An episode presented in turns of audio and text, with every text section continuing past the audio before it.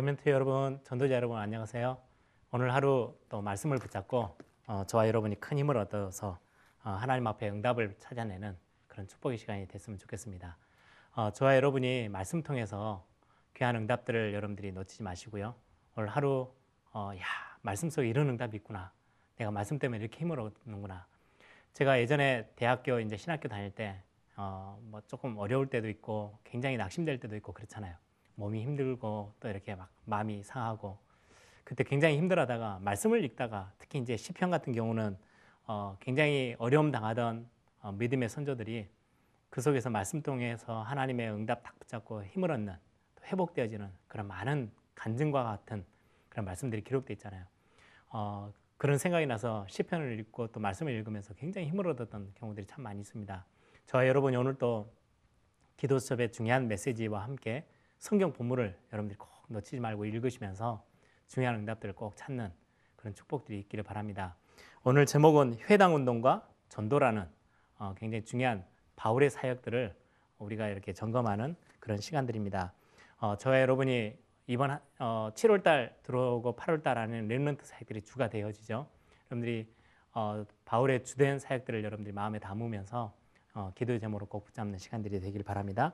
오늘 본문은 사도행전 17장 3절에서부터 1절에서부터 3절입니다.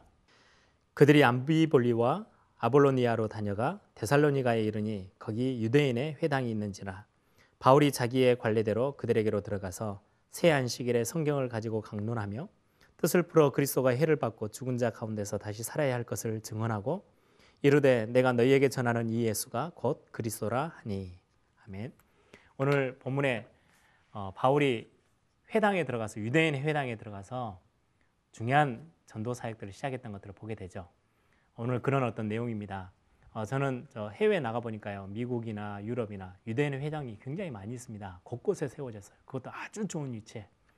어, 특히 저는 이제 미국에 자주 가 보면 미국은 교회를 세우려고 해도요, 그 도시에 사는 사람들이 다 허락을 해야 돼요. 다 사인을 받고 그들이 다 이렇게 공청회를 거쳐서 해서 그러다 보니까 교회 세워지기가 너무 힘들어요. 그 말은 많은 시민들한테 인식을 이렇게 잘 영향을 못 주고 있다는 말이죠. 좋은 영향을. 그런데 유대인의 회당들은요. 아주 좋은 위치에 도저히 상상하지 못할 좋은 땅에 다 건물을 높이 세워서 어, 유대인들의 자기들의 후대들을 가르치고 있는 회당들이 굉장히 많이 서 있습니다. 어, 그런 어떤 중심되어졌던 그런 센터에 바울은 본격적으로 들어가서 복음 운동을 했던 것들을 보게 되는데요. 저와 여러분이 이번 어, 7월 달 마지막 주에 또 렘런트 리더 수련회가 있죠. 한 1,500명 같이 참석해서 굉장히 중요한 리더들이 어, 지도자로서 훈련을 받고 또 팀장으로도 세워지고 그런 어떤 훈련이 있습니다. 어, 또 8월 첫 주부터는 어, 우리가 서울을 중심으로 수도권을 중심으로 여섯 개 타운에서 렘런트 대회가 진행되어지죠. 역시 렘런트들 중심의 어, 사역들이 진행되어집니다. 바울이 왜 회당을 파고들어서 거기에서 전도 운동을 했는지 오늘 말씀을 보시면서 여러분들이 중요한 이번 7월 달, 8월 달에 있을 렘런트 사역을 놓고 여러분들 기도를 꼭 해주시면 감사하겠습니다. 앞으로 이 운동의 핵심으로 가야 될 RUTC까지 여러분들의 마음에 담기는 오늘 하루가 되길 바랍니다. 서론입니다. 하나님의 말씀이 들어가면 모든 게 다 살아납니다. 하나님의 말씀은 살았고 능력이 있다. 히브리서 4장 12절 이렇게 말씀하죠.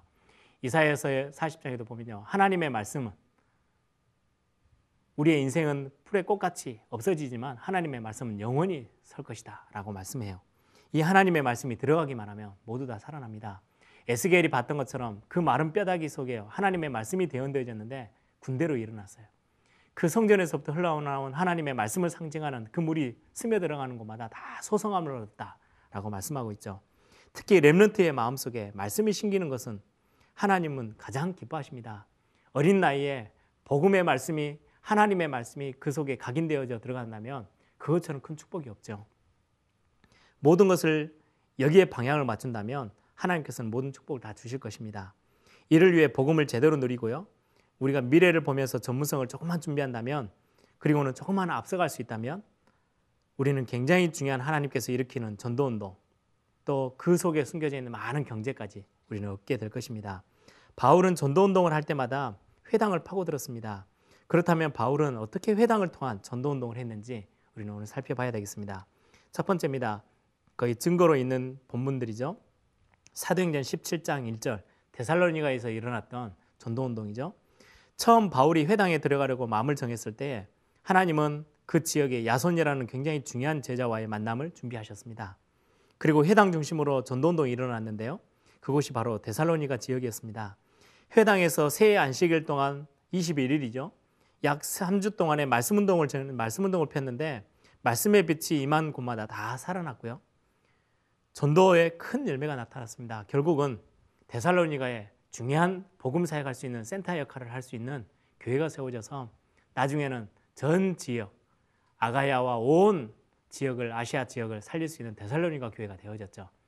여러분들 그런 응답이 우리 렘런트들이 일어나고 렘런트들이 현장에 말씀이 들어갔을 때 그 전 지역 미래까지 다 바뀔 수 있는 응답들을 여러분들의 마음에 담고 이번 여름 중요한 렘런트 사역과 RUTC를 놓고 기도해 주시면 감사하겠습니다. 어, 사도행전 18장 4절에도 보면은요 굉장히 중요한 어, 로마까지 복음화 운동이 일어났던 굉장히 중요한 열쇠죠. 바울이 고린도에 이르러서 하나님의 계획으로 브리스길라 아굴라라는 부부를 만나서요.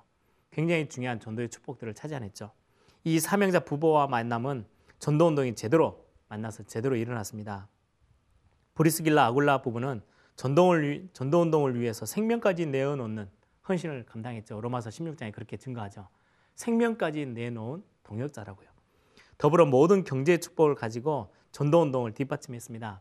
나중에 기록에 우리 브리스길라 아굴라 부부는 굉장한 어, 경제를 어, 가지고 부를 가지고 로마까지 살려내는 굉장히 큰 축복을 얻었다고 하죠. 고린도 지역에 들어가서 중요한 사역자와 함께 사역을 감당했는데 많은 응답들을 전도의 축복들을 찾아냈습니다. 사도행전 19장 8절에 보면요. 바울은 아시아를 살리려는 마음을 가지고 아시아에 가고자 했습니다. 그런데 하나님께서는 아시아를 살리려는 바울에게 에베소라는 지역을 보게 하셨어요. 에베소를 살리려다 보니까 두란노, 지금으로 따지면 대학과 같은 많은 젊은이들이 모여지는 어, 그런 곳에 들어가서 어, 복음을 전했는데요. 두란노를 또 살리기 위해서는 중요한 어, 젊은이들이 모여져서 훈련하는 회당에 또 들어가서 복음 운동을 했습니다. 바울의 관심은 다 그쪽에 있었죠. 바울이 전 지역에 말씀 운동을 하기로 결단하니까 하나님께서는 증거를 주신 거죠. 전심으로 말씀 운동을 하려고 하니 회당의 문도 하나님이 열었습니다. 바울이 해당에 들어간 것은 렘넌트를 생각했기 때문에 이제 후대를 생각했습니다. 특히 후대인 렘넌트에게 말씀이 들어가면 그들이 다 살아나고 미래도까지 살릴 수 있습니다. 여기에 방향 맞춘 바울을 하나님은 굉장히 그를 통해서 큰 전도 운동 로마까지 죽고 난 이후에는요 나중에는 어마어마한 응답 지금까지 2000년이 지난 지금까지도 복음 운동이 지속되어지는 응답을 바울에게 하나님이 허락하셨습니다. 오늘 우리가 어, 귀중한 오늘 하루도 우리가 승리해야 되겠지만 앞으로 우리 전체 전도 운동 교회들이 다 놓쳐버린 그런 굉장히 중요한 사역을 우리는 감당하고 있습니다.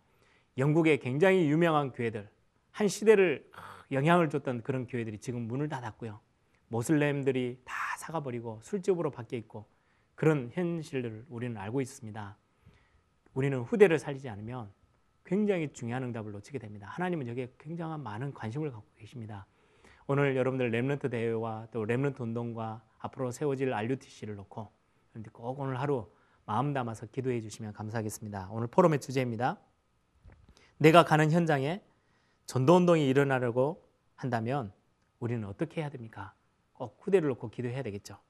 오늘의 말씀, 오늘의 기도, 오늘의 전도 속에서 하나님의 계획, 여러분들의 중요한 렘런트 현장을 바라보면서 전도도 계획을 세워보시고요. 렘런트를 생각하면서 오늘의 말씀 여러분들 붙잡고요. 렘런트를 생각하면서 오늘의 기도에 중요한 기도 제목들을 여러분들이 붙잡는 그런 시간들이 되길 바랍니다. 리더 수련회 또 렘런트 대회 전 세계 일어날 렘런트 운동 여러분들이 놓고 기도하는 오늘 하루가 되기를 바랍니다. 살아계신 아버지 하나님 감사를 드립니다. 정말 우리에게 올바른 영적인 눈을 뜨고 올바른 복음의 눈을 열어서 바울이 가장 중요하게 생각했던 회당으로 들어가서 많은 전도 운동에 정말 발판을 깔았던 것처럼 그래서 많은 후대를 찾아내서 디모데와 디도와 같은 그런 중요한 제자를 찾아서 한 시대 전도 운동을 부탁하고 이 땅을 사역을 마무리했던 것처럼 그 결과로 세계 복음화의 큰 응답을 앞당긴 그 응답처럼 하나님 오늘 우리가 렘넌트를 마음에 담고 또 세계 렘넌트 대회와 리더 수련회 또 RUTC와 전 세상에 일어날 전 나라에 일어날 렘넌트 운동을 마음에 담고 오늘 또 기도합니다. 우리의 기도에 하나님이 응답해 주시며 우리의 발걸음에 전 세계를 살릴 수 있는 제자된 렘넌트들이 일어날 수 있도록 하나님이 축복해 주옵소서. 주 예수 그리스도의 이름으로 기도합니다.